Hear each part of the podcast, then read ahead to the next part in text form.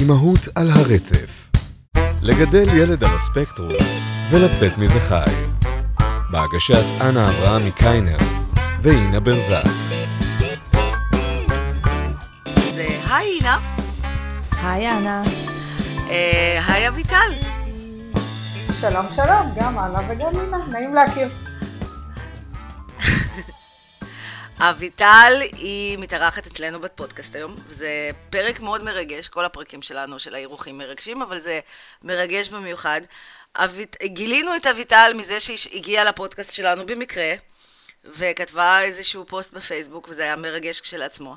ואז התחלנו לדבר וגילינו שהמקצוע שלה עוד יותר קשור לתחום שלנו. אה, ואז מיד מיד מיד הזמנו אותה להקליט. והמיד לא קרה, זה לקח חודש וחצי בערך, אבל מסופר, ויאללה, אביטל, תספרי לנו. אז אה, בוקר טוב, ונורא נורא כיף להתארח פה. בכלל, זה היה רגע ממש ממש משמח. אה, כל עולם הפודקאסטים, אה, אני מאמצת אותו לאחרונה, כי מאז הקורונה עברתי לספורט של הליכה, ובהתחלה עוד הייתי צריכה להתרגל לרעיון, ורק עכשיו אני מרגישה שאפשר להוסיף לזה גם פודקאסטים. אה, זה פוגע לגמרי בקצב, אבל זה הנאה אחרת. אה, הנאה אחרת.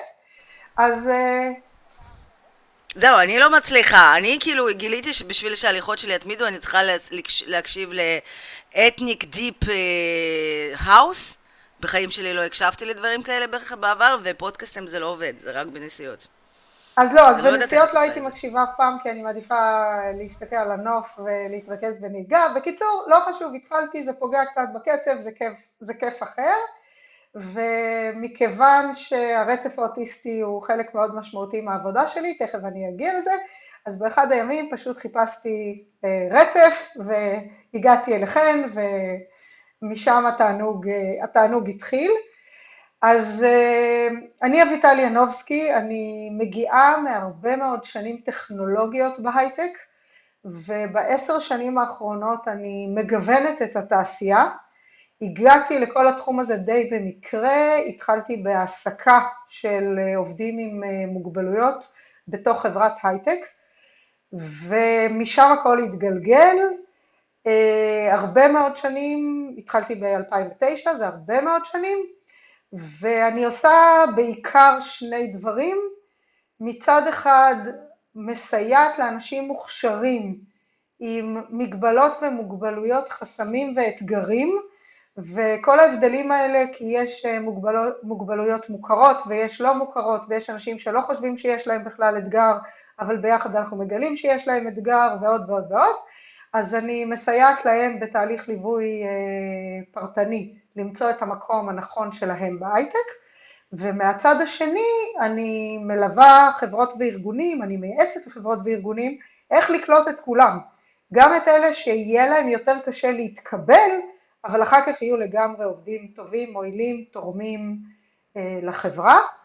אה, הרצף האוטיסטי זה הרבה, הרצף האוטיסטי והחברים שלו, בוא נגיד, חרדה חברתית, לקויות תקשורת למיניהן אה, וכו', זה חלק לא מבוטל מהאנשים שאני מסייעת להם.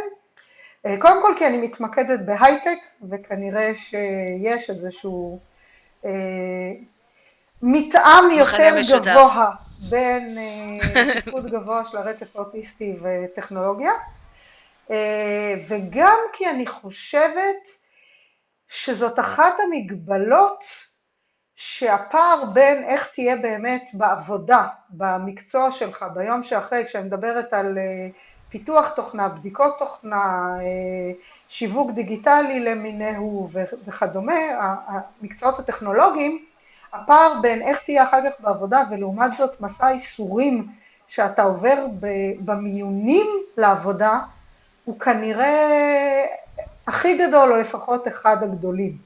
ובליווי מתאים של שני הצדדים, זה ממש ממש מצליח. לגמרי. אני, האמת היא שלי יש סיפור דומה, כאילו, מכמה כיוונים. אני מגיל 15 חלמתי, כמו שסיפרתי לך, אני מגיל 15 חלמתי לעבוד ב-ICQ. כלומר, מאז שעדכנתי ICQ, אמרתי, אני חייבת לעבוד בחברה הזאת. ובערך מגיל 20 שלחתי לשם קורות חיים. בערך פעם בשנה שלחתי לשם קורות חיים, כאילו לא משנה על איזה, כאילו כל פעם מצאתי תפקידים וזה, ואף פעם אף אחד לא ענה לי. ואז בגיל 29, אה, היה מי שהיה המנכ"ל של ה-SQ, ועבדתי בפרויקטים קודמים, התקשר אליי יום אחד, ובאמת, בשבילי זה היה יותר מ- מרגש מהרלה שמתקשרת. ואמר, אנה, תקשיבי, את זוכרת שאני עובד ב-ICQ, אז אני מחפש מישהו, אני כאילו, באמת, כמעט עשיתי תאונה, הייתי בנהיגה אז, מרוב התרגשות. וכשהתחלתי לעבוד, ובאמת, זה היה מאץ' משמיים, והיה כיף, וכאילו תענוג, והיה זרימה ותקשורת עם כולם. ובעיקר כל הזמן ירדתי על המחלקת HR, שהם כאילו הכי נדלקו עליי וזה. אמרתי, איך, איך, איך, 15 שנה זרקתם אותי, אפילו לא זרקתם אותי מהמדרגות, אפילו רעיון עבודה לא הוזמנתי אף פעם. ו-ICQ זה גם הייתה חברה שפעם ראשונה פגשתי בעצם אוטיסטים. כלומר, זה היה הרבה הרבה לפני שבכלל הכרתי את התחום. והיו שם אספרגרים ואוטיסטים וכל מיני לקויות. והכרנו שם את אה, אוהד יפרח, שאנחנו חייבות לא גם לארח אותו. שהוא לא אוטיסט והוא לא על הרצף, הוא מסיפור אחר, מה שנקרא. הוא לא, הוא מסיפור אחר, הוא הפנים של גט טקסי גם. אה, הוא, יש לו מיליון שמונה מאות לקויות, והוא על כיסא גלגלים, וזה, וזה הבן אדם הכי מדהים שהכרתי. זה גם כוכב. חוץ מזה שהאישיות ככוכב, הוא גם כוכב כעבודה. אנשים סוגדו לו. ואז, באמת, בפעם ראשונה בחיים שלי, בכלל נפל לי האסימון, וגם אני חושבת שהזיכרון הזה הוא זה שפחות או יותר החזיק אותי במהלך הגילוי של, ואבחון של דוד. אמרתי, אני מכירה את החבר'ה האלה. כאילו, אני עבדתי איתם, אני הכרתי אותם, אני כאילו, אני יודעת זה, אבל המסוך, האתגר הזה של כאילו, זה כמו משחקי רב, של לעבור את ה-HR ולעבור את זה, הוא בלתי אפשרי, והם תמיד אמרו שהם הגיעו אחרי כי מישהו הביא אותם, ומישהו הביא אותם, ומישהו הביא אותם, וזה היה ממש ממש קשה לכולם. אז את עושה עבודת קודש. כלומר, זה... את עושה ממש עבודת קודש, גם לארגונים, ששוב, כן. נגיד, היו, היה איתי בחור בצוות שהיכולת שלו להתרכז ולצלול לתוך נתונים שגרמו לבן אדם אחר לחתוך לעצמו את הוורידים, היא הייתה בלתי נגמרת. ועל זה אנשים העריצו אותו. כלומר, המגבלה הזאת הייתה איזשהו יתרון פסיכי במקום הנכון ובזמן הנכון ובתפקיד הנכון. אה, איך הגעת לזה דווקא? כאילו, כלומר, איך... אה, כלומר, זה כל כך מאתגר, זה, זה שליחות. כלומר, איך זה התחיל שהתחלת להתמקצע דווקא בזה? אז הגעתי לזה, כמו שאמרתי, די במקרה. Uh, הגעתי לחברה, אני הייתי בכלל אחרי משבר בהייטק ב-2008, החברה שעבדתי בה התפקיד האחרון שלי הרשמי כהייטקיסטית אה, היה Worldwide Professional Services בחברת אה, e-commerce והחברה נסגרה יום אחד וזו פעם ראשונה בחיים שעצרתי מהצבא, התחלתי, התחלתי תוכנה בצבא בממר"ם ופעם ראשונה שעצרתי ו, ולא ידעתי מי נגד מי ומה אני רוצה לעשות עוד פעם ו, ו, ועוד מיליון דברים והלכתי ללמוד וחזרתי וחיפשתי עבודה והתגלגלתי לחברה שהמטרה שלה הייתה בכלל לפתור את הבעיה של 45 פלוס בהייטק, שזה אתגר אחר של diversity, mm. שחבר'ה מוכשרים, פתאום ההייטק נגמר להם מכל מיני סיבות, כי הם נחשבים זקנים מדי. אה, ואני זוכרת שזה נורא נורא המם אותי, אני הייתי כבר בת 45, אה, אני בת 55 היום, אנה, אני לא מתרגשת מכל ההיסטריה שלך סביב גיל 40, אבל בלי קשר, אה, והגעתי לחברה הזאת בכלל לחפש את עצמי, כי הייתי בת 45, זו הייתה חברה שעשתה מעין WeWork, לפני שאמרו WeWork, היינו גם מקום פיזי, וגם אה, נתנו לאנשים כל מיני כלים לחזור להייטק, או להפוך להיות עצמאים, או יזמים וכדומה. אז הגעתי קצת לחפש את עצמי, ושלוש דקות אה, נהייתי מנהלת הפעילות של הקהילה, ה-COO, והגיעה אלינו פסיכולוגית שהיה לה חלום לשלב נפגעי נפש בהייטק. ועד אז היא הצליחה לעשות הרבה מאוד דברים, חברות אימצו אותם, אירחו אותם, אבל לא העסקה ממש. ואני והמנכ"ל הסתכלנו אחד על השני ואמרנו, וואלה, זה גם uh, גיוון, בואו בוא נעשה עם זה משהו. נכון. והקמתי פרויקט לשילוב עובדים עם מוגבלויות בתוך חברת ההייטק הזאת. אה, ואני הייתי הקול של הפרויקט, זאת אומרת הייתי גם המנהלת המקצועית של האנשים וגם אה, המנהלת HR של האנשים. אה, יש כמה אנקדוטות מצחיקות שמלווים לתעסוקה, הם אומרים לי, אז את עובדת סוציאלית, נכון? אז אמרתי, לא. את עובדת סוציאלית, נכון? אז אמרתי, לא. אבל בסוף הפנמתי שאני כנראה באופן טבעי עושה את זה לא רע. והקושי שלי היה בגיוס של האנשים, ואני רוצה להעיר הערה אחת לדברים שאמרת קודם, החסם לא היה בכלל HR, החסם היה החלק המקצועי. כשאני אה, ראיינתי אנשים לתוכנית הזאת, אני הגעתי מההייטק ואני ידעתי לראיין מקצועית אנשים טכנולוגיים, והם לא עברו את הרעיונות המקצועיים. כי עבר הרבה זמן מהאוניברסיטה, כי הם באים עם פחות ביטחון עצמי, כי הם לא ידעו בכלל מה מצפה מהם, זאת אומרת, מה ישאלו אותם ברעיונות המקצועיים. והייתי מקבלת תשובות די הזויות, שאם הייתי שואלת, תספר לי על פרויקט הגמר שלך, אז אומרים לי, אני לא זוכר, זה היה לפני שנה, או אני הייתי חלק מצוות, אני לא באמת עשיתי משהו בפרויקט, או לא משנה, עוד כל מיני. והייתה לי תחושה מאוד מאוד חזקה שלא מכינים אותם נכון לרעיונות עבודה. כי דווקא מכינים אותם ל-HR, איך תדבר את המגבלה שלך ומה יעזור לך להצליח, וגמרתי אוניברסיטה למרות המגבלה, אז כמה אני תותח, אבל בכלל התעשייה מחפשת ידע. התואר או הקורס הארוך ש, שלמדת הוא רק כרטיס כניסה נורא נורא נורא ראשוני לכל המיון הזה. ואני חיפשתי ידע. וגם לא הכרחי לפעמים. ואני חיפשתי את הידע, את הניסיון. גם לבוגר אוניברסיטה יש ניסיון, זה הדברים שעשית בפועל, בעצמך. ובעיניי זה היה הקושי הכי גדול שלי בתור מנהלת מגייסת. וזה נורא נורא הרגיז אותי מצד אחד, ומצד שני הבנתי שאוקיי, זה כרגע המצב, ואנחנו לקחנו את האנשים למרות, אוקיי? למרות שעל הנייר הרוב המוחלט לא עבר רעיון עבודה מקצועי. אני שוב לא מדברת על HR ועל הדברים האלה, אנחנו חיפשנו את האנשים בנרות, אנחנו פתחנו פרויקט מיוחד להעסקה של עובדים עם מוגבלויות.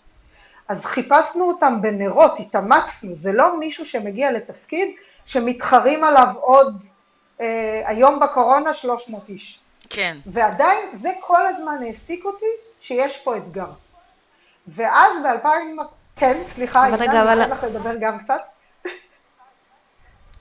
כן, אה, אבל אנחנו כרגע מדברים על אה, מגוון של מוגבלויות, אני מדברת בעיקר נכון? אוטיזם, הדברים שאמרתי עד עכשיו אה, מאפיינים, דרך אגב, לא רק מוגבלויות, אוכלוסיות גיוון בכלל. ש... הם לא יודעים למה לצפות, הם לא יודעים איך יבדקו אותם ברעיונות. יש הרבה מאוד גופי ליווי של המדינה, אבל רובם לא מתמחים בהייטק, אז זה מאפיין הרבה מאוד, זה מאפיין גם חבר'ה על הרצף האוטיסטי. ותגידי, ואיך עשית את, ואיך עשית את התיווך למנהלים של החברה? איך, איך באת ואמרת, אה, נגיד, יש לי את א', והוא בן ככה וככה, הוא סיים תואר, ו... אז כשאני הייתי ב-by the people, אני הייתי המנהלת הקולטת. אז אני הייתי זאת שרצתה. אחר כך הם היו חלק מצוותים וכדומה, וכמובן זה מה שאני עושה עד היום. המטרה היא להראות את היכולות, לשים בפרונט את זה שהאדם באופן כללי ביכולות שלו יוכל לעשות את התפקיד. וכן, תעשיית הייטק, אה, זה יישמע פה נורא קצת פרפרים ופרחים. תעשיית הייטק שוחה. אם לא יראו שיש לך את היכולות המקצועיות לעשות את התפקיד, אז לא יקבלו אותך. זאת אומרת, יקבלו אותך עם המגבלה, לא יקבלו אותך בשביל המגבלה. ובאמת... סליחה, כן. אה, את רואה כמה את סמכותית? אני שואלת אם אפשר לקטוע אותך, זה לא קורה לי בדרך כלל. אה, השאלה היא, נגיד, מה שאת מתעסקת בו עכשיו, זה כאילו משרה שכאילו יש הקצה לפוליטיקלי קורקט למשרה עם מוגבלות, או שהם מתחרים על, כאילו, יש משרה של מפתח, וניגש אליו שלושה סתם הייטקיסטים, ושניים עם מוגבלות. ברוב המוחלט של המקרים זה משרות רגילות. יותר מזה, רוב האנשים שאני מלווה הם ג'וניורים, זאת אומרת, מחפשים את המשרה הראשונה בתעשייה. רוב האנשים עם המוגבלות שאני מלווה. הם אנשים שמחפשים את המשרה הראשונה בתעשייה, וזה לא משרה צבועה. אבל ברגע שאני אה, פותחת את הדלת, ואני מסבירה ממש בתחילת התהליך, בין אם אני מצאתי את המשרה ובין אם האדם מצא את המשרה, אבל אני מתערבת בשלבים אה, מאוד מאוד מוקדמים, כמובן באישור שלו, בהסכמה שלו, אה, הכל מתואם מאוד, ואני אומרת, יש כאן אדם מוכשר, אבל, או לא אבל, יחד עם זאת, יש לו גם מגבלה, בדרך כלל זה נותן יתרון על השלוש מאות אלף. למה? כי גם החברה, החברות כן רוצות לעשות גיוון, והן רוצות להעסיק אנשים עם מוגבלויות. אנחנו כבר בתקופה שזה מאוד מדובר, והערכים של זה אה, ברורים, והיתרונות העסקיים של זה ברורים. זה לא רק אחריות תאגידית ו-nice to have. יש הרבה מאוד מחקרים שמראים שיש לזה יתרונות עסקיים שאתה לוקח אנשים אחרים. אז רוצים, אבל אם האדם הזה יגיע לתוך הפול של השלוש מאות, הוא יבלוט לרעה, הוא לא יבלוט לטובה. אם יש מישהו שאומר שם בדרך, תקשיבו, הוא אחר, אז תסתכלו בעיניים טיפה אחרות, זה בעצם נותן יתרון. מגיעים אליי... בוודאי. הלוואי והיה לי אותך אה, כשניסיתי להתקבל ל-ICQ. כאילו, תמיד צריך שמישהו יתפח לך ואומר, הבן אדם זה לא רק מה שכתוב על הנייר, יש זה יותר מזה, שוב, זה גם היתרון שבאמת חברות רוצות גיוון. אבל אם הן לא יודעות שעומד מולם אדם אחר, אז אתה נכנס לאותו, לאותו דבר, וצריך לזכור שגם לחברה התהליך הזה הוא נורא נורא קשה. איך אתה בזמן קצר מתרשם מבן אדם ומחליט שהוא יהיה האדם שיפתור לך את הכאב ראש. זאת אומרת, הוא יהיה זה שיעשה את העבודה. אנחנו נכון. תמיד אה, נורא רגילים להגיד כמה קשה למי שמחפש עבודה, אבל לגייס זה, לא, לא, לא, זה, לא, לא, לא. זה לא קל. ויותר מזה, אתה מגייס כי חסר לך עובדים, כן. כי המשימות לחוצות, ואז אתה מבזבז במרכאות מלא מלא זמן כדי למצוא את הבן אדם שיפתור לך את הבעיה הכי טוב. ובסוף זה תמיד רולטה רוסית גם, לאינה נכון. יש הרבה ניסיון בזה.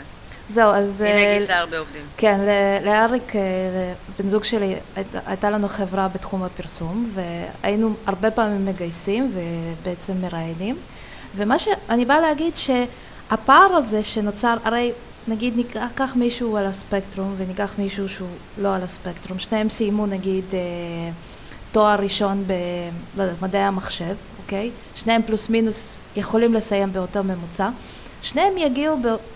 פלוס מינוס באותו רמה להיריון, אבל הפער הוא נוצר הוא דווקא בפער החברתי, זאת אומרת ביכולת להרשים, נכון? ופה את נכנסת אה, בתמונה ואת כמו כמו הסייעת של הבן שלי בן עשר, אז את בעצם מתווכת ואת בעצם מייצרת אה, בין המחנכת לבין אותם ילדים או בין אותם ילדים אה, האחרים בכיתה ואומרת, ובעצם אומרת חכו רגע בעצם תורידו, תשימו משקפיים אחרות וזה. אבל העניין הוא שבסופו של דבר זה באמת רול, בגיוס אי אפשר לדעת. הוא יכול להרשים בקטע אחר ברעיון עבודה והוא יכול לבקש תנאים מטורפים, ואז הוא מגיע ל, ל, לעבודה, ואחרי חודש אתה מבין שעשית טעות, ואתה מתחיל לחשוב איך אתה נפטר ממנו.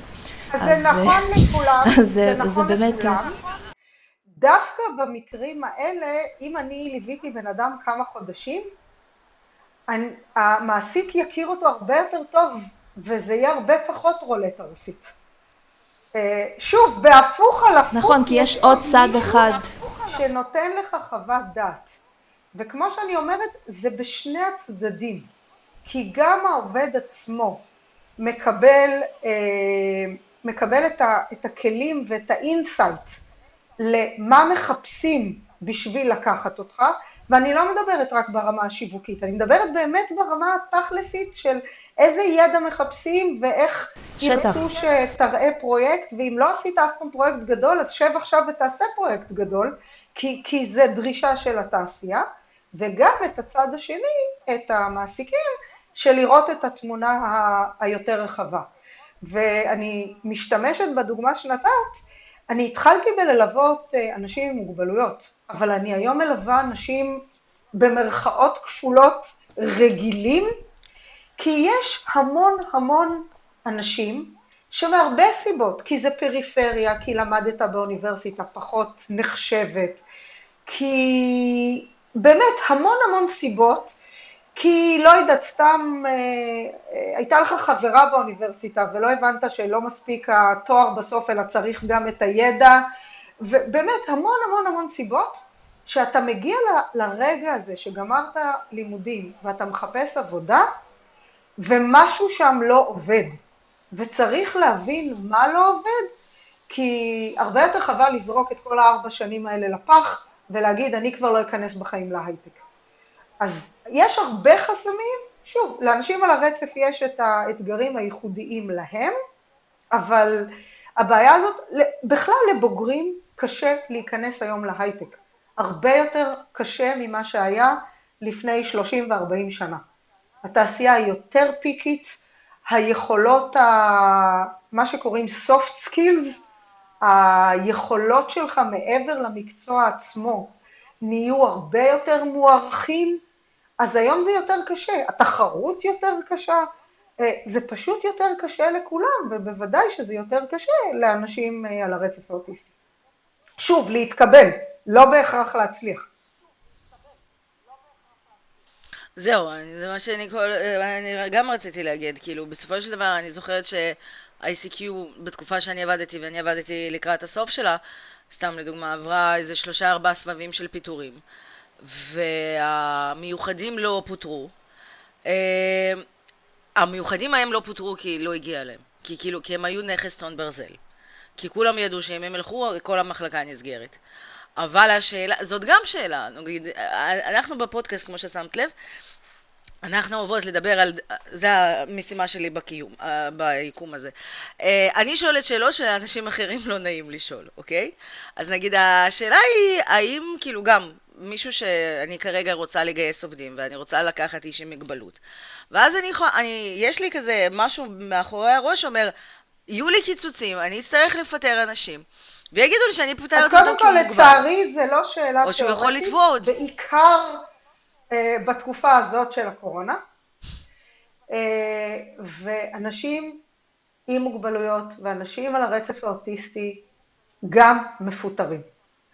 יש הבדל מאוד גדול בין פיטורים על ביצועים, וגם זה קורה, כמו שהינה אמרה, יש מקרים, זה רולטה רוסית, ויש מקרים שזה לא מצליח, גם אם כל הצדדים עשו אה, את כל מה שאפשר. זה לא קשור למגבלה, זה קשור לזה שאין תפוקה כמו שמצפים אה, בהייטק. אז יש גם מקרים של פיטורים על רקע ביצועים, זה עצוב, זה קשה, אבל אני אומרת מההתחלה למעסיקים, אה, אם נגיע לרגע הזה, אני אעזור לכם גם לפטר. כי אני ממש לא רוצה שחברות לא ירצו לקלוט, כי מה יהיה אם אולי פעם נצטרך לפטר, אוקיי? אז, אז כן, זה קיים. והתקופה האחרונה בהחלט אה, מחדדת את התחום של אה, פיטורים על רקע צמצומים, וגם כאן זה, זה מורכב, זה לא פשוט. יש מקרים שאת מתארת שהעובדים הספציפיים האלה הם נכס צאן ברזל ואם יפטרו אותם אז אה, אוי ואבוי. ובאמת יש הרבה מאוד אנשים עם מוגבלויות ששרדו הרבה מאוד צמצומים, אבל זה לא תמיד, כי לפעמים הצמצומים הם או של מחלקה שלמה, או שהצמצומים הם כאלה שאנחנו צריכים עם הרבה פחות אנשים להמשיך לעשות את אותו דבר, ואז אולי אין לנו יכולת עוד לעשות קצת יותר attention ניהולי, או שהבן אדם הזה הוא פחות אה, יכול לעשות תפקידים של שלושה אנשים, ועוד הרבה מאוד סיבות. אה, וכן, יש אנשים עם אה, מוגבלויות שמפוטרים בצמצומים. המספרים של הקורונה באופן כללי מדברים על הרבה מאוד אנשים עם מוגבלויות, הרבה יותר אנשים עם מוגבלויות שפוטרו והרבה יותר נשים שפוטרו והרבה יותר כל הגיוון שפוטרו. בהייטק לשמחתי אנשים בתפקידים המקצועיים, מפתחי תוכנה, בודקי תוכנה אה, וכדומה, אה, לדעתי נפגעו כמו כולם ולא הרבה יותר. שוב, זה גם נורא תלוי אם זה עובד מאוד חדש והוא עוד לא הוכיח את עצמו ועוד אה, כאילו החלק הניהולי הוא יותר כבד, ברור שכל מקרה לגופו, אבל אני חושבת שהרוב המוחלט של חברות הייטק שמעסיקות עובדים עם מוגבלויות, משתדלות מאוד אה, ליהנות מהיתרונות שלהם. זה לא, אמרתי, זה לא סתם nice to have, ולכן חושבות שמונה פעמים לפני שהן אה, מצמצמות אדם עם לפטר. מגבלה. ונגיד, מה היתרונות שלהם? בוא, בוא, כאילו, שוב, המטרה של הפודקאסט זה לעשות יחסי ציבור. זה, המטרה של הפרק הזה זה לכל אותן אימהות שכרגע אוכלות סרטים של מה יהיה עם הילד שלי כשהוא יגדל, וזה נגיד ה... הרופאה ההתפתחותית שנתנה לנו את האבחון של אוטיזם, של דוד, שאלוהים שישלח לה הרבה נמלים הביתה, אה, היא אמרה לי, למה את לא שואלת אותי שאלות אחרי שהיא אמרה לי שהוא אוטיסט? אמרתי לה, כי אני לא רוצה לדבר איתך. אז אמרה לי, את יודעת? יש לי אנשים ששואלים איך הוא יחיה והאם הוא יתחתן. אמרתי לה, נו, עשה לי, מעכשיו, הם תינוקות, ואימהות שואלות אם הם יתחתנו. אמרתי לה, תגידי, יש לך, כאילו, אני מקווה שאין לך ילדים ואני גם לא חיות מחמד, כאילו, מה... היכולת שלך, אבל גם לשאול את השאלות המעצימות וגם לשאול את השאלות המפילות ביחד היא, היא מופלאה, אין, אין ספק. תודה. אה, לא, האמת שלא באמת שאלתי את זה לצערי, אבל כאילו הגבתי לה משהו כזה. אמרתי לה, זה משהו הגיוני מאוד, כשאומרים לי, אימא, ליש, לילד בן שנתיים שלה יש בעיה, שתלווה אותו כל החיים.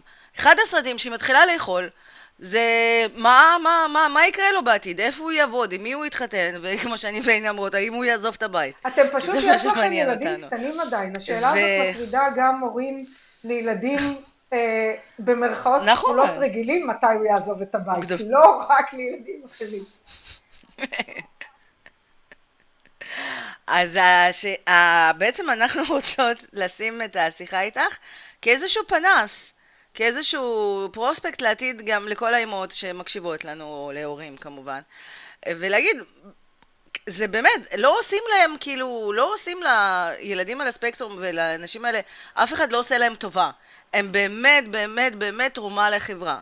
עכשיו, אני באמת רוצה שתסבירי, כאילו, תספרי את זה מהנקודת מבט שלך, איך ובמה, אולי גם קצת מהמחקרים האלה שהזכרת, הם באמת תורמים, שזה לא כאילו, אנשים חושבים שמישהו עושה להם טובה, וזה כאילו כמו צדקה וצ'ריטי ומסכנים ולא, אבל לא, זה באמת באמת תועלת אמיתית. יש גם וגם.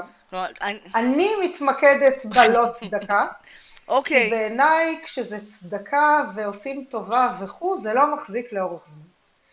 כי, כי הרבה פעמים נכון. גם הפוך, כשעושים צדקה וכו', אז לא משקיעים בעובד את ההשקעה הניהולית שכל עובד זכאי לו, לא רק אה, עובד עם מגבלה, ואתה לא מקבל באמת צ'אנס אמיתי להתקדם ולהתפתח ולהיות עובד אמיתי מן המניין.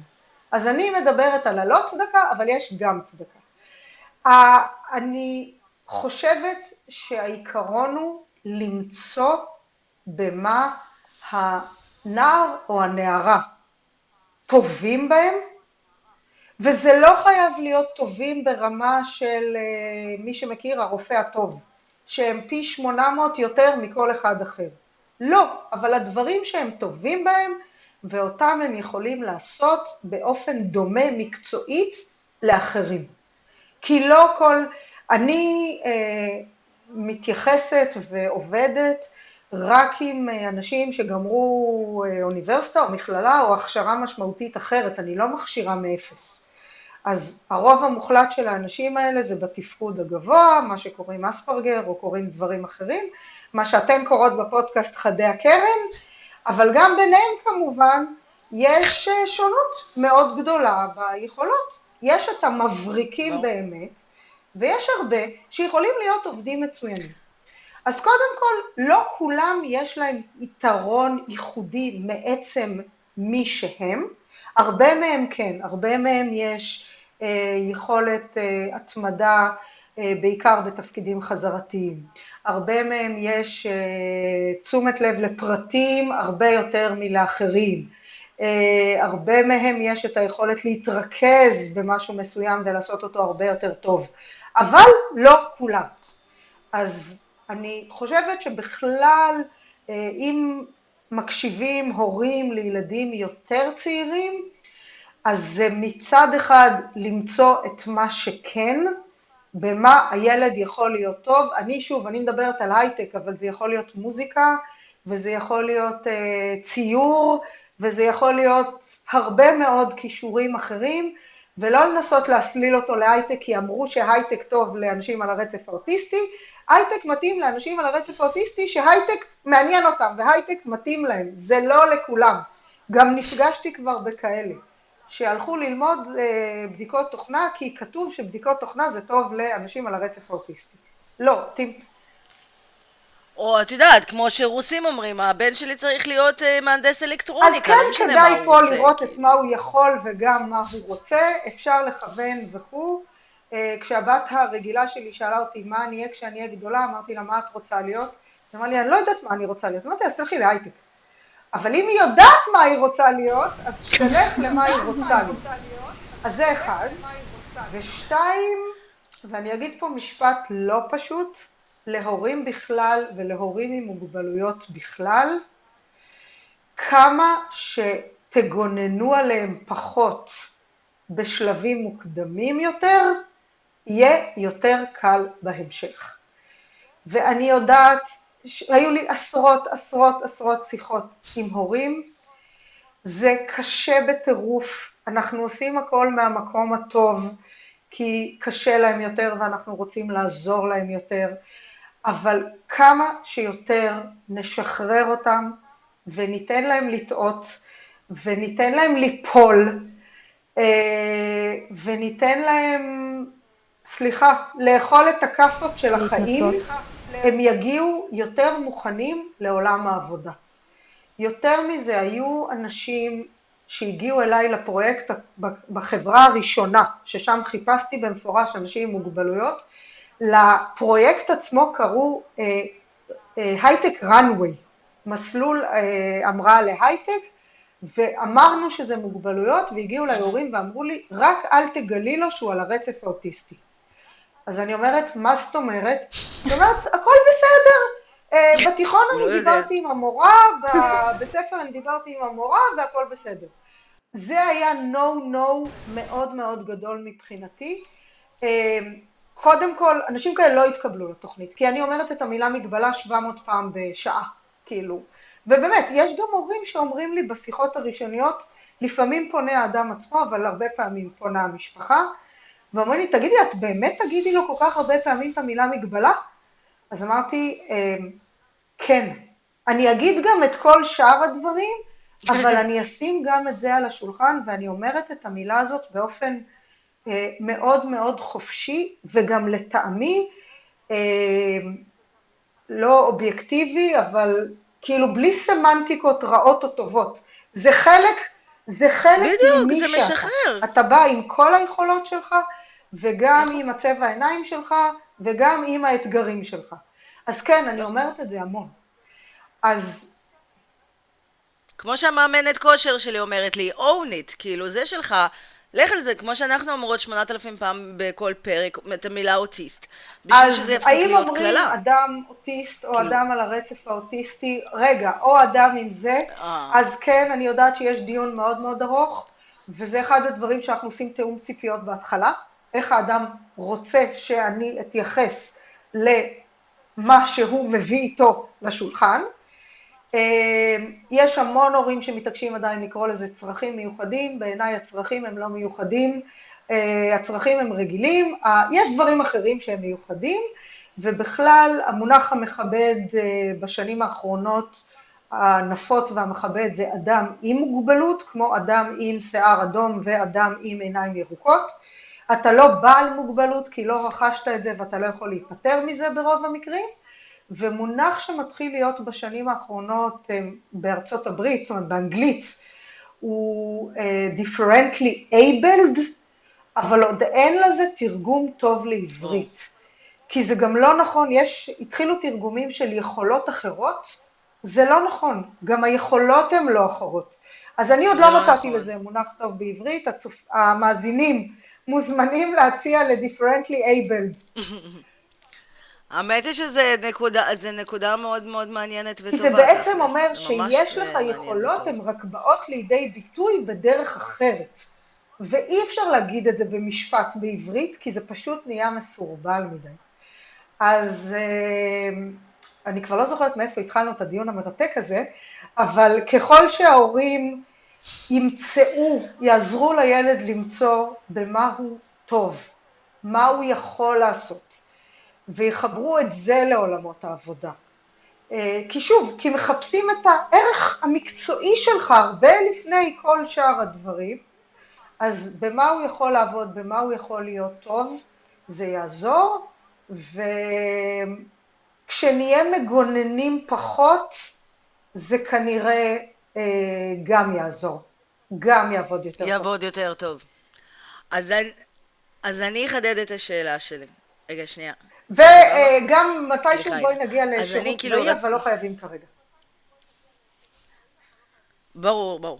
אה, אני כאילו רוצה לחדד את זה, כאילו כשהתחלנו זה, במה חברות מרוויחות בעצם מזה שיש להם אה, הורים. אז דיברנו על האדם כן. עצמו. כן. דיברנו על האדם עצמו. החברות מרוויחות, החברות אה, מרוויחות עוד פן, בעיניי מאוד מאוד חשוב, של עצם זה שהן קולטות ועובדות עם מישהו אחר. זה מפתח מאוד מאוד יצירתיות. כי הרבה פעמים אנחנו רגילים לעשות דברים בצורה מסוימת. בהייטק למשל, אחד הדברים הכי נפוצים זה שאני כמנהלת אמרתי A, התכוונתי ל... אה, לא יודעת, T, וקיוויתי שהם יהיו ב-Z. זאת אומרת, אתה זורק איזה משפט, ואתה מקווה שגם הבינו אותך כמו שהתכוונת, אבל גם יעשו קצת יותר, ואם הם עשו הרבה יותר, זה בכלל טוב. ואחד...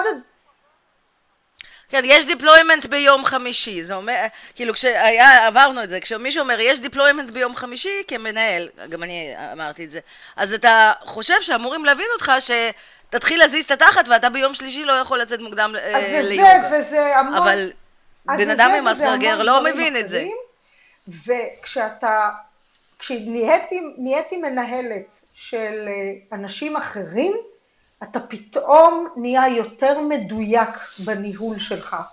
אתה רואה, אה, אתה מבין לאיזה יעד צריך להגיע, אבל אתה מבין שכל אחד יכול להגיע אליו קצת אחרת, וזה תורם גם ל-98% העובדים האחרים, שחלקם הבינו אותך עד הסוף בתור מנהל, אבל האחרים לא באמת הבינו עד הסוף, בלי קשר לכלום, כי, כי, כי הם מסתכלים אחרת על החיים. כי הם לא ישנו אתמול בלילה, כי הילד צעק, ואין להם את הפנאי לא, הנפשי להבין סאבטקסט. כל אחד מסתכל על החיים אחרת, אנחנו רק נדמה לנו שכולם רואים את החיים בדיוק כמונו. נכון. אז כשאתה מסתכל על, על העובד האחר, גם בתור מנהל וגם בתור אה, איש צוות, אתה פתאום, כל התקשורת הרבה יותר מדויקת, הרבה יותר ברורה, תיאום ציפיות הרבה יותר נכון, אז זה יתרון אחד. אני חושבת שהפכתי להיות מנהלת יותר טובה ואימא יותר טובה כשהתחלתי לנהל אה, אנשים אחרים. שתיים, יש איזה אחוות צוות ברוב המוחלט של המקרים, שפתאום הם מבינים שחוץ מלעשות את המקצוע שלהם, ובחוץ יכולים להציע להם אולי 500 שקל יותר בשביל אותו מקצוע שלהם. יש להם פה איזו התנסות אחרת וזכות אחרת, והם כולם ביחד רוצים נורא להוכיח שזה שיש בצוות אה, אדם אחר, זה לא פגע בנו, להפך, ובהרבה מאוד מחקרים מראים שהתפוקה של צוותים שקלטו אדם שונה עלתה. וברמה של, יש לזה עוד מלא יתרונות, ברמה של שימור עובדים. היה לי כבר מנהל שקלט עובד עם מגבלה, וכשדיברנו באיזה שיחת קפה, איזה חודש אחרי, הוא אמר תשמעי, עכשיו אני כבר יכול לגלות לך בשקט, אני כבר הייתי בדרך החוצה. היה לי כבר קורות חיים בחוץ, התראיינתי בחוץ, וכשהציעו לי את הרעיון הזה של לגייס אדם עם מגבלה, פתאום אמרתי לעצמי שוואו, אני לא יודע איפה עוד uh, בקריירה שלי תהיה, תהיה לי את ההזדמנות הזאת, ושמתי את הכל בצד, ואני יודע היום באמונה שלמה שעד שאני לא אראה שהבן אדם הזה נקלט uh, במאה אחוז, וכאילו, והכל בסדר וטוב לו, אני לא זז לשום מקום אחר, אז מנהלים תמיד מעידים גם שהם הרוויחו מזה המון, uh, מלא מלא יתרונות. מלא. זה לא אומר, ונחזור לעמוד שלך של לדבר על שני הצדדים, זה לא כן. אומר שזה לא יכול להיות יותר מאתגר בהתחלה. ולפעמים גם בהמשך דרך אגב, תלוי. ברור. או כאילו כן, כמו שגם אני ואינה כל הזמן אומרות, למשל, אנחנו בן אדם טוב יותר, אימא טובה יותר, חברה טובה יותר, בזכות. האבחון של דוד. כלומר, זה יצ... יצא לי כבר להגיד את זה כמה פעמים, תודה לאל שהבחנו אותו. אנחנו הפכנו למשפחה כאילו מלוכדת יותר. אה, רגע, הייתה לי עוד איזושהי מחשבה ממש חכמה בזמן שדיברת? ואני לא זוכרת זה עכשיו. אני בכלל חושבת שכמו כל רגע. דבר חשוב בארגון, אתה משקיע בו, הוא לא מגיע על הדרך. אנחנו עושים הרבה שינויים. כן. אני נכון. בהייטק כבר מספיק שנים בשביל לזכור את התקופה שקלטנו את הרוסים במרכאות, ומה קורה כשאתה אה, אה, עובר לעולם ואתה צריך לפתוח סניף בהודו או בסינגפור וכמה אנחנו משקיעים אז בלקבל הדרכה רב תרבותית ומה לעשות כדי שזה יצליח וכו'. זה דומה, אנחנו מדינה מאוד מאוד מגוונת ולמרות זאת, אה, בסדר אתם מבאר שבע זה יחסית פריפריה אבל למרות זאת רובנו לא מכירים באמת את האחר, ולכן כן, יש בזה אוברהד ניהולי, נכון. בשביל לקלוט אנשים אחרים ובשביל בשביל למיין אנשים אחרים, בשביל לקלוט אנשים אחרים ובשביל להצליח בהמשך, אבל זה משתלם. נכון. אני זוכרת שלמשל, אה, אחד הדברים שאני הרגשתי כשעבדתי עם אותם אנשים ב-ICQ, זה שזה מאוד השפיע על הערך העצמי שלי. כלומר, כשהייתי כנה עם עצמי, אמרתי, כיף לי איתם. זה נורא שונה, לא ידעתי שיהיה לי כיף איתם, אני נורא פחדתי מהם, אבל כיף לי איתם והם מצחיקים אותי, וזה גרם לי להרגיש בן אדם טוב יותר. כאילו, אם לפרק את זה לצורה מאוד מאוד בסיסית וכאילו שטוחה, זה גם מאוד העצים את הערך העצמי שלי, וגם אני, אני יודעת בוודאות שזה כאילו, כאילו, הגיבוש שנוצר שם בין האנשים ובין הצוותים, שזה אנשים שנשארו חברים עד עכשיו, ויש לנו קבוצת פייסבוק וזה, זה משהו שמאוד משנה אותך גם מבפנים, רק כאילו, כי אתה עובד עם בן אדם שהוא שונה. שוב, זה יותר מזה, בגלל שאנחנו בהייטק, ורוב ההייטק הישראלי מכוון גלובלית, אנחנו חייבים את ההיכרות הזאת עם האחר בשביל להצליח.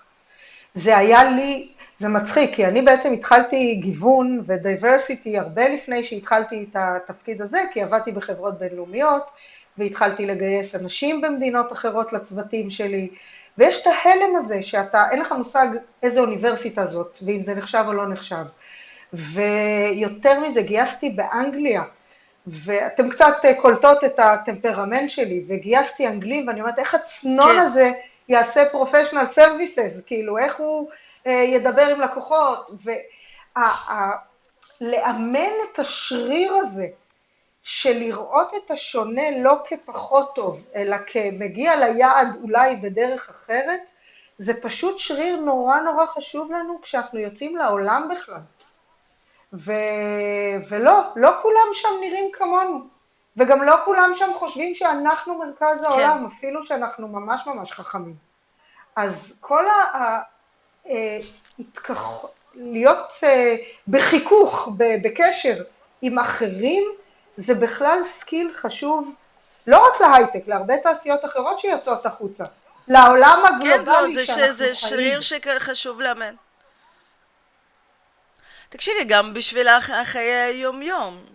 סתם ללכת לסופר, לפגוש אנשים, להיכנס לוועד ההורים. זה... את, את אומרת כאן נקודה מאוד מאוד חשובה.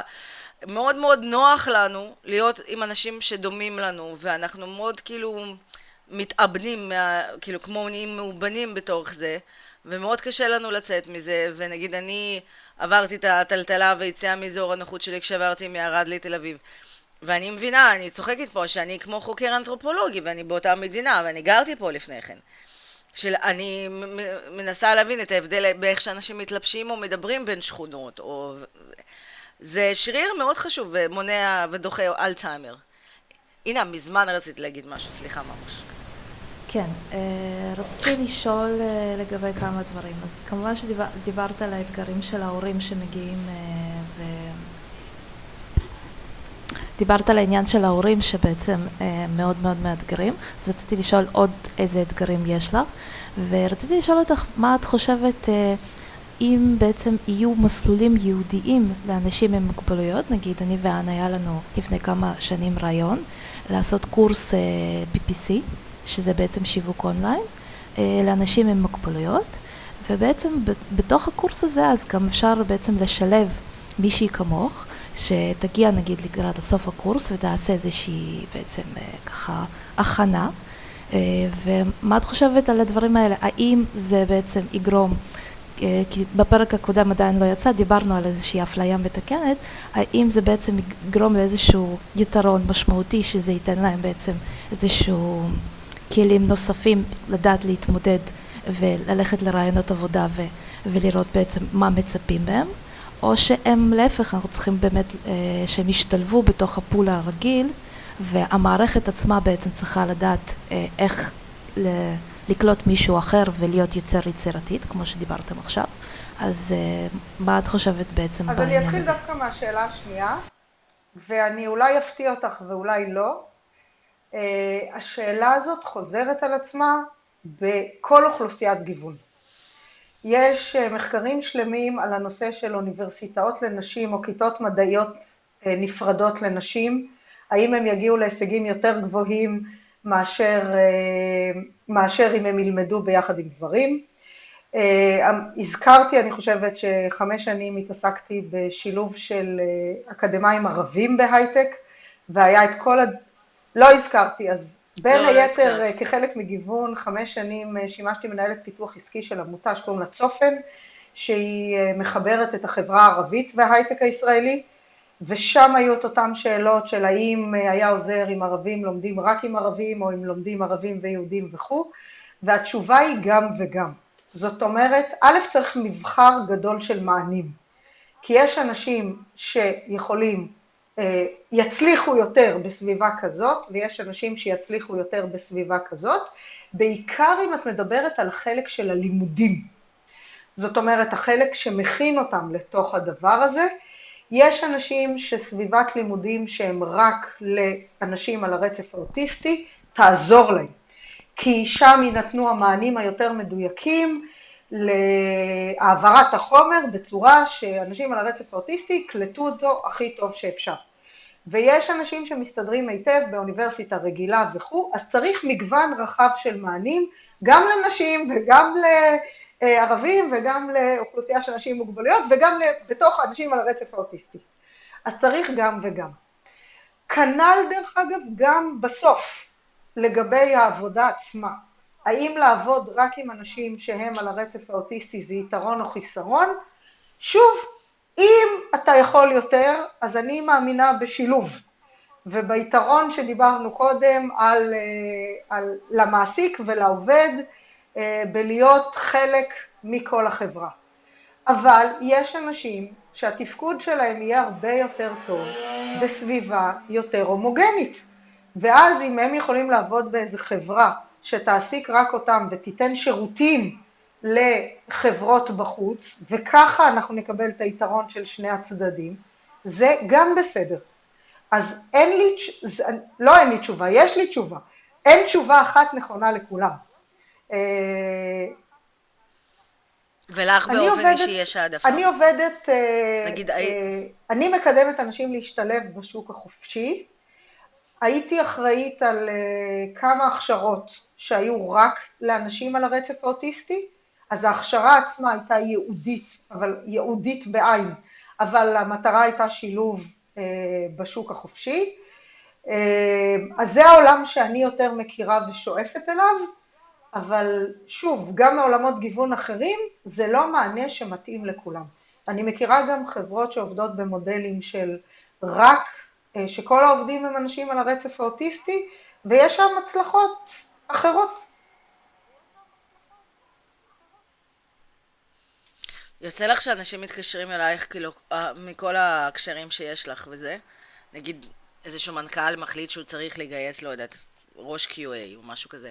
והוא מתקשר דווקא אלייך ולא להד-האנטר אחר, ואומר... אז לצערי הרב, אז לצערי הרב זה סליחה, עוד כן? מאוד מאוד מאוד נדיר, מאוד נדיר. זה קרה לי פעמיים בקריירה ואני מודה שבימים האלה אני הולכת אה, חצי, חצי מטר מעל הרצפה מרוב אה, התלהבות. אה, שמנכ"ל שעבדתי איתו בעבר ושילבתי אצלו אדם, צריך לגייס עוד אדם ומרים לי טלפון ואומר אולי יש לך כזה. אה, אבל זה קורה עדיין מעט מאוד. כן יש הרבה מאוד פתיחות כשאני באה ואומרת הוא אוטיסט, אה, לתת את כל מה שצריך כדי שזה יצליח, ויש היום כבר חברות שעושות אה, לא בקליטה יחידנית, אבל עושות פרויקטים של בוא נקים צוות לצורך מסוים שהוא אנשים על הרצף האוטיסטי, זה כבר קיים בכמה חברות הייטק. אה, המודל של רואים רחוק בצבא עזר מאוד לחלק הזה. אז מה זה הפרויקט? אה, אמרתי שאני רוצה לחזור לצבא, כי אני חושבת שעם כל זה כן. של להיות מתנדב בצבא ההגנה לישראל, אה, זה אתגר לא פשוט, כי בגדול המדינה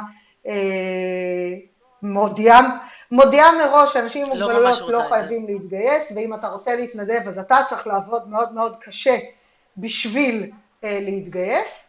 יש בשנים האחרונות כמה מודלים של אה, שילוב של עובדים עם מוגבלויות, של אנשים עם מוגבלויות בכלל, צעירים עם מוגבלויות בכלל בצבא. אה, יש את גדולים במדים ויש אה, יש עוד כמה, ואני לא רוצה לעשות עוול לאף תוכנית, אה, הורים שהילדים שלהם בתיכון, תתחילו להסתכל על זה לטעמי.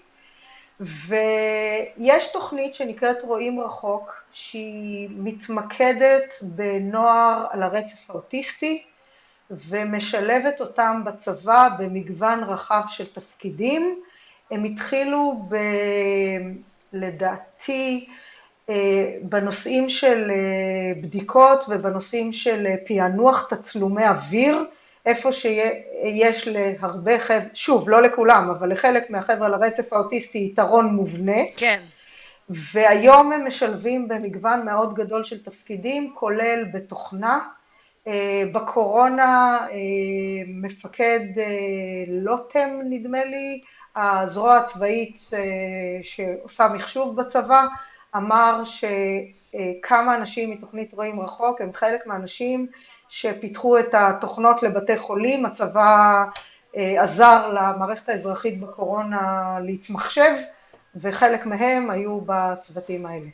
אז אה, אני חושבת שאדם ששירת בצבא, וזה לא קשור אם הוא, אם הוא אדם עם מוגבלות או ערבי או חרדי וכו', קיבל יתרון לעולם התעסוקה כי הוא פגש ארגון, הוא פגש מנהל, הוא פגש צוות, הוא פגש יעדים, את הנושא שאתה צריך לקום בבוקר ולבוא לעבודה ושיהיו לך תפוקות ויעדים.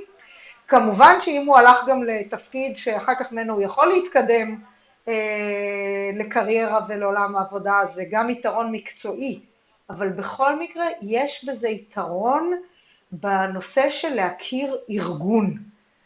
ואנשים שיוצאים לעולם העבודה אחרי שהם היו בארגון, יש להם יתרון. שוב, במשרות, אני מדברת על המשרה הראשונה. אם רק היית בתיכון והיית באוניברסיטה וישר אתה יוצא לתעשייה, אה, ההלם יותר גדול, אתה לא יודע מה זה מטבח משותף, אתה, המון המון המון דברים קטנטנים שאנחנו מקבלים מעצם זה שהיינו בתוך ארגון. נכון. גם, תשמעי, אני זוכר, אני כאילו שירתתי בצבא למרות שממש לא רציתי בהתחלה, אה, וגם מאוד מאוד סבלתי במהלך כל השירות. אה, זה עדיין נתן לי יתרון מאוד גדול. חוץ מזה שזה הבנת התרבות ו... כלומר, וסלנג וכן הלאה, זה גם קשרים, קשרים שאתה יוצר. זה גם אתה לומד להיות חלק ממערכת גם, לב... שוב, לבן אדם רגיל לגמרי. מה זה לעשות משהו שאתה ממש ממש לא רוצה, אבל אתה חייב. אני בתור גם מנהלת, פגשתי, היה לי מאוד קשה נגיד, אה, עבדתי, ניהלתי אנשים גם גדולים ממני וגם צעירים הרבה יותר ממני. ולנהל דווקא אנשים יותר צעירים ממני היה הרבה יותר קשה, כי זה דור באמת הרבה יותר מפונק, ו... שלא יודע לקבל סמכות. כלומר, שאתה אומר, בסופו של דבר, אתה כמנהל רוצה להגיד למישהו, shit have to be done, ותעשה את זה, וכאילו, אני לא רוצה, כאילו, כמו עם ילדים, לא רוצה לנהל על זה, זה צריך, כאילו, סמוך עליי כרגע, אחר כך אני אסביר לך. לא על הכל צריך לנהל דיון. זה איזשהו skill שחסר, או שכמו שפעם היו לי מתמחים מארצות הברית, יש איזושהי תוכנית כזאת שחבר'ה שמסיימים אה, אוניברסיטה בארצות הברית מגיעים לישראל לשנה לעשות כזה זה, ואז אולי אה, להישאר ולגור פה. וקיבלתי ילדים אחרי, ילדים אחרי קולג', אלוהים, זה ממש, אה, הבנתי את כל הסרטי קולג' האמריקאים. הם פשוט ילדים, הם כאילו, שום מוסר עבודה, רצינות, הגינות, זה...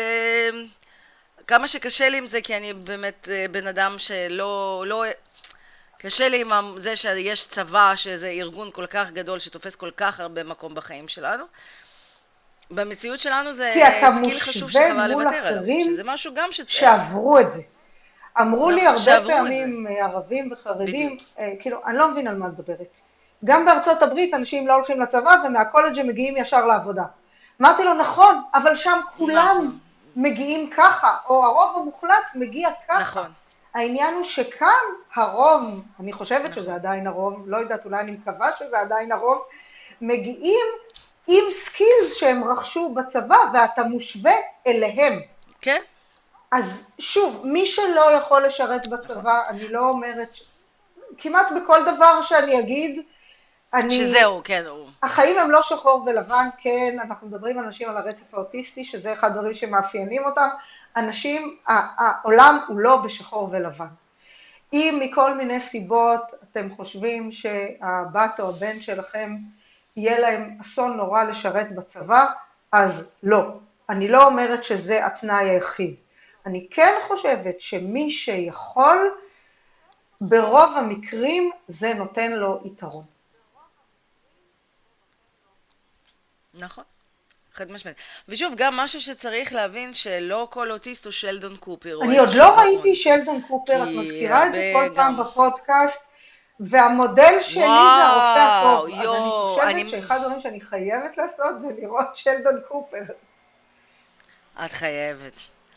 אם יש לך נטפליקס, יש לך אה, כמה, אה, הם הבטיחו שהם אמרו שהם יורידו את זה, אבל בסוף הם לא הורידו את זה. זו, אני מקנאה בך, זאת סדרה מאוד מצחיקה וכיפית, שמציגה שהגיבור הכי כוכב שם הוא בן אדם גאון, אבל הוא על הרצף שמראה את כל ה... את כל הסימנים הקלאסיים של אוטיזם. ראיתי את האייטיפיקל, וכמובן פלפלים צהובים ועוד ועוד ועוד.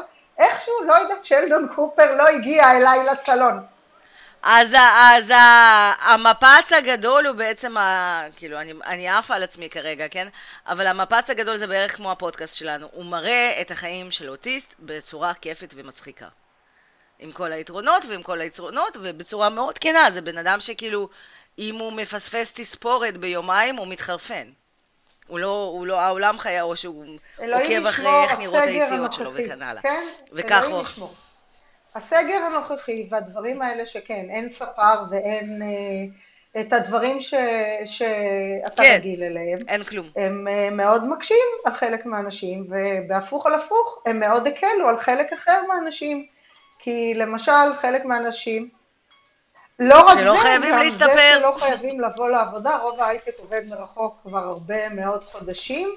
דווקא מקטין הרבה אינטראקציות חברתיות ועושה הרבה יותר שקט uh, לעבוד על מה שאני צריך לעבוד. אז יש גם פה כאלה שזה היה להם יותר טוב וכאלה שהיה להם יותר קשה.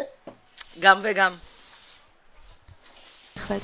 זהו, ורציתי לשאול אותך, מה, מה את חושבת שיעשה את העבודה שלך קלה יותר? או מה החזון? או איפה את רואה את זה עוד עשר שנים, את התפקיד שלך? או אה, משהו בסגנון, זאת אומרת... אה... תשלחי מסר שלך. אז קודם כל, אני מקווה שבעוד 20 שנה לא יצטרכו אותי, מה אכפת לי, אני בת 55, אני כבר אהיה בפנסיה.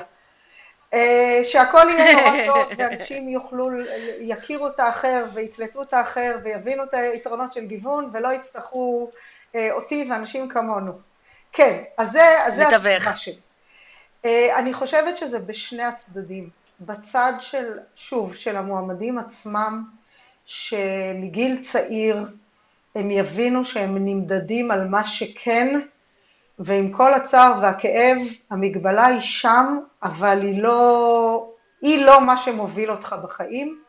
זאת אומרת ש, שידרשו הישגים, אנחנו חיים בחברה קפיטליסטית הישגית, ואם אנחנו מסתכלים על עולם העבודה, אז רוצים ממך תפוקה והישגים ו, אה, וכו'. אז שוב, מי שיכול להשתלב בעולם העבודה ומי שמסתכל קדימה לעולם העבודה, עולם העבודה החדש רק הולך יותר לשם, לא פחות לשם. ולצערי גם עולם העבודה החדש הרבה יותר מקדש את ה-soft skills ואת היצירתיות ואת היוזמה וכו', והרבה מאוד עבודות פשוטות נעלמות. אז כמה שנכוון יותר גבוה לגבי כולם, לגבי אנשים בפריפריה, לגבי אה, נשים, לג, לגבי כולם. נשים. בקיצור, אין, לשם, לפחות כפי שידוע לנו היום, לשם אנחנו הולכים. אז כמה שיותר נבין ש... היכולות שלך הן מה שעומדות במרכז, ו, ושמצפים ממך בקטע הזה לכמו כולם, אז המצב יהיה יותר קל בכניסה אחר כך אה, לאוניברסיטה ובכניסה לעולם, או לא אוניברסיטה, לא משנה, אבל במקומות שבהם אתה צריך להראות שיש לך יכולות ואתה יכול להביא ערך. אז כמה שזה יתחיל יותר מוקדם זה יותר טוב, זה בצד של המועמדים עצמם. ובצד של החברות המצב משתפר כל הזמן, אני אומרת, אני התחלתי ב-2009, סוף 2009, תחילת 2010, אה, כשאני אמרתי את המילה diversity, ברוב המקרים לא הבינו על מה אני מדברת. זה מדובר היום, היתרונות מדוברים היום. זה קורה יותר ויותר, רוב המעסיקים אומרים הפוך, אין לנו מספיק אנשים שעוברים את, ה, את המיונים הטכניים. זאת אומרת, אנחנו רוצים אנחנו אבל לא מוכנים לוותר, שוב, בהייטק במפורש לא מוכנים לוותר על תהליך המיון הרגיל מבחינת ה... למצוא את, ה... את הכישורים ואת היכולות. ואני מקווה שנמצא איזשהו אמצע.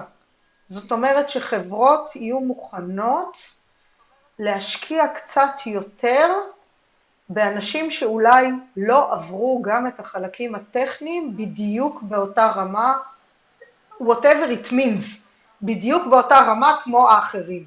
זאת אומרת, אני כן הייתי מעדיפה שיהיה איזשהו אמצע, שיהיה איזשהו דרך שבה לאדם אחר תהיה אפשרות אה, מעין אה, אינטרשיפ או כל מיני דברים כאלה בתוך החברה, שהכניסה תהיה קצת יותר רכה. כאילו בין לא מתפשרים על כלום לבין מקבלים אותך כן. כי אנחנו צריכים בשביל אחריות, תאג... אחריות תאגידית עובד עם מגבלה. אני רוצה להיות, אה, זה לא אמצע אפילו, אבל אני רוצה כניסה. זה החוויה, האפליה המתקנת היא עושה ולכולם. אבל אני רוצה כניסה קצת יותר כאילו, רכה בכל זאת. גמישה. זאת אומרת, אולי הוא יפרח, יפרח קצת יותר מאוחר, האדם הזה. אני רוצה להגיד לך ששוב, דיברנו על זה בדיוק בפרק שאני עורכת עכשיו ועוד לא עלה, על זה שהדברים והתנאים המיוחדים שהרבה פעמים אנחנו, הסביבה הקצת יותר עוטפת שמקבלים האוטיסטים, היא תעשה טוב לכולם. היא, היא, היא כאילו, היא תעשה nurturing הזה ותטפח הרבה יותר טוב את כולם. אה, אם כל עובד חדש שנקלט לחברה, יש לו איזושהי תקופה שיש לו מלווה ויש לו מישהו שמוביל אותו ואחראי עליו ועובר איתו בהפסקות ומסביר מאיפה להזמין עם אוכל ואיך, מתי, איך סוגרים, אה, נו, מזמינים חדר ישיבות. את מדברת על שלב טיפה אחר, כי את מדברת על השלב של, אה, של הקליטה בעבודה, ודרך אגב בהרבה מאוד חברות הייטק כן. היום זה קיים. אה, שיש באדי ויש זה, וזה קיים וואו. לכולם. אני מדברת יותר אני מדברת יותר על אני תהליך מזמן לא המיון. בהייטק. שנקלוט אנשים שאנחנו יודעים הבנתי. שהם נכנסים לאיזשהו אינטרשיפ של שישה חודשים, ורק אחר כך אנחנו מסתכלים עליהם בעיניים שהסתכלנו עליהם לפני שישה חודשים. מין משהו כזה. עובד. לא... זה, זה יכול לעזור. האמת שזה גם רעיון טוב. האמת שזה גם רעיון טוב. כן, אבל בצורה מציאותית אנחנו מבינים שזה יתחיל מתאגידים וחברות גדולות, כי עסקים קטנים, אה, לצערי הרב, אה, הרבה פעמים אין להם את היכולת אה, לא בטוח. למשוך את גוגל, החצי ש... לא בטוח. לא בהייטק. גוגל, אה, אה, סליחה שאני קוטעת אותך. אה, גוגל, אני יודעת בוודאות שגוגל וכל החברות הגדולות עם כל הצ'פרים שלהם, עם הארוחות צהריים המשותפות וזה וזה וזה, זה גם, כן התחיל מהסטארט-אפים שהיו מציעים את זה לאנשים, ככאילו איזשהו added value, כאילו נכון, אבל סטארט-אפים. מקבלים הון משמעותי שהם יכולים לרוץ איתו לא שנים. לכולם, היה- עבדתי בסטארט-אפ שהתקציב ארוחות צהריים אני חושבת כאילו, שזה פרסום. פחות מתאים. אבל היה מנכ"ל- אנחנו מדברים בכלל על קליטה של, של אחרים. זה פחות מתאים ל... כן. אה, בהייטק אני מדברת, זה כנראה פחות מתאים לסטארט-אפ של חמישה אנשים, שם יש יתרון שכולנו מכירים אחד את השני ורצים קדימה אותו דבר, אבל אסור להיזכר בזה כשאנחנו 300 אנשים. זאת אומרת, צריך להתחיל לחשוב על זה הרבה קודם, כן. אה, כי, כי שוב, כי יש לזה הרבה מאוד יתרונות, וזה בכלל יעזור לך כסטארט-אפ להיות יותר מאורגן ויותר שיטתי ו, ולהתחיל לבנות ארגון אה, וכו', ולכן צריך, צריך, יש איזשהו, מק... הצליח לי בחברות מאוד קטנות, הצליח לי בחברות ענקיות, הצליח לי בחברות בינוניות, אין לי איזה נוסחה, כן צריך מישהו בארגון שירצה שזה יקרה. בחלק מהמקרים זה כי יש הורה ל, או אח של, או משהו כזה, או שהייתי בארגון קודם ושם זה הצליח. אה, אני מדברת בעיקר על, אה, על רצף אוטיסטי. אז הרבה פעמים יש נגיעה אישית, לפעמים אני מגלה אותה דרך אגב רק בדיעבד, אני לא יודעת את זה בהתחלה, ואחר כך מנהל קולט אומר לי, אני עכשיו יכול לגלות לך שלי יש ילד בן 12 שהוא על הרצף האוטיסטי, וזה היה חלום שלי כל הזמן, ותודה שהבאת לי את ההזדמנות. אז זה כנראה לא מתאים לעסקים מאוד מאוד קטנים. שוב, תלוי באיזה תפקיד, לתפקיד אחד ספציפי ייחודי של הבן אדם נורא נורא טוב, זה יכול להתאים גם לעסקים קטנים. אני עובדת עם אה, עסק נורא נורא קטן בתחום מאוד מאוד ספציפי, שהתחיל מזה שהמנהלת שם קלטה את האחיינית שלה, שהיא בחורה על הרצף, ופשוט בתפקיד המסוים שהיא עושה, היא תותחית על חלל. יש שם מעט מאוד עובדים. והיא הגיעה אליי כי היא שמעה והיא רצתה כמה טיפים, אה, אה, איך עובדים, ולערב את ההורים, לא לערב את ההורים, כל מיני כאלה. ולהפך, זה הביא אותה להגיד שבפעם הבאה שאני מגייסת היא רוצה גיוון, והיא לקחה אותי וקלטנו ביחד עוד שלושה עובדים, אחד חרדית, אחד אה, אה, מגבלה ואחד אה, גבר, כשכל החברה אישה, אה, נשים. זאת אומרת, אז, אז לפעמים, אין, אין לי איזה נוסחה אחת שעובדת תמיד, כן, אה, יש בזה overhead ניהולי, ולא תמיד עסק מאוד קטן יכול להשקיע את ה overhead הניהולי הזה.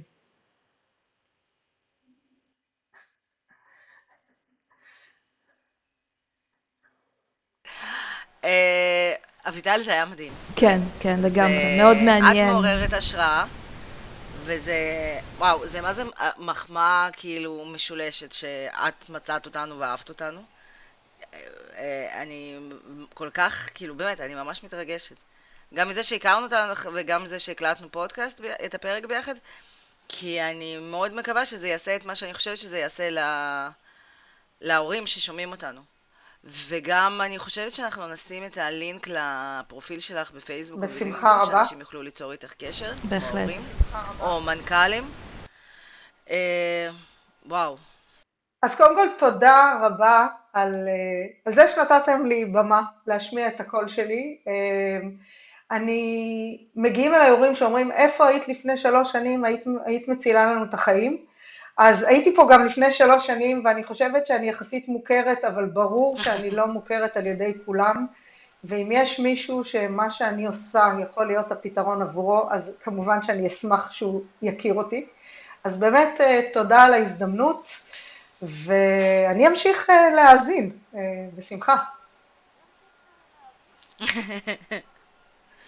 אז אביטל, תודה רבה שבאת, וזה באמת היה מרתק ובאמת מעניין, וזה נורא נורא כיף לשמוע לנו כאימהות ובכלל כחלק מהעשייה שלנו, שיש אור בקצה המנהרה, ואני גם מקווה שעם השנים באמת החלק העניין הזה של השילוב גם בתעשייה וגם בלימודים, ובכלל בחברה שלנו יהיה יותר ויותר מקום לזה.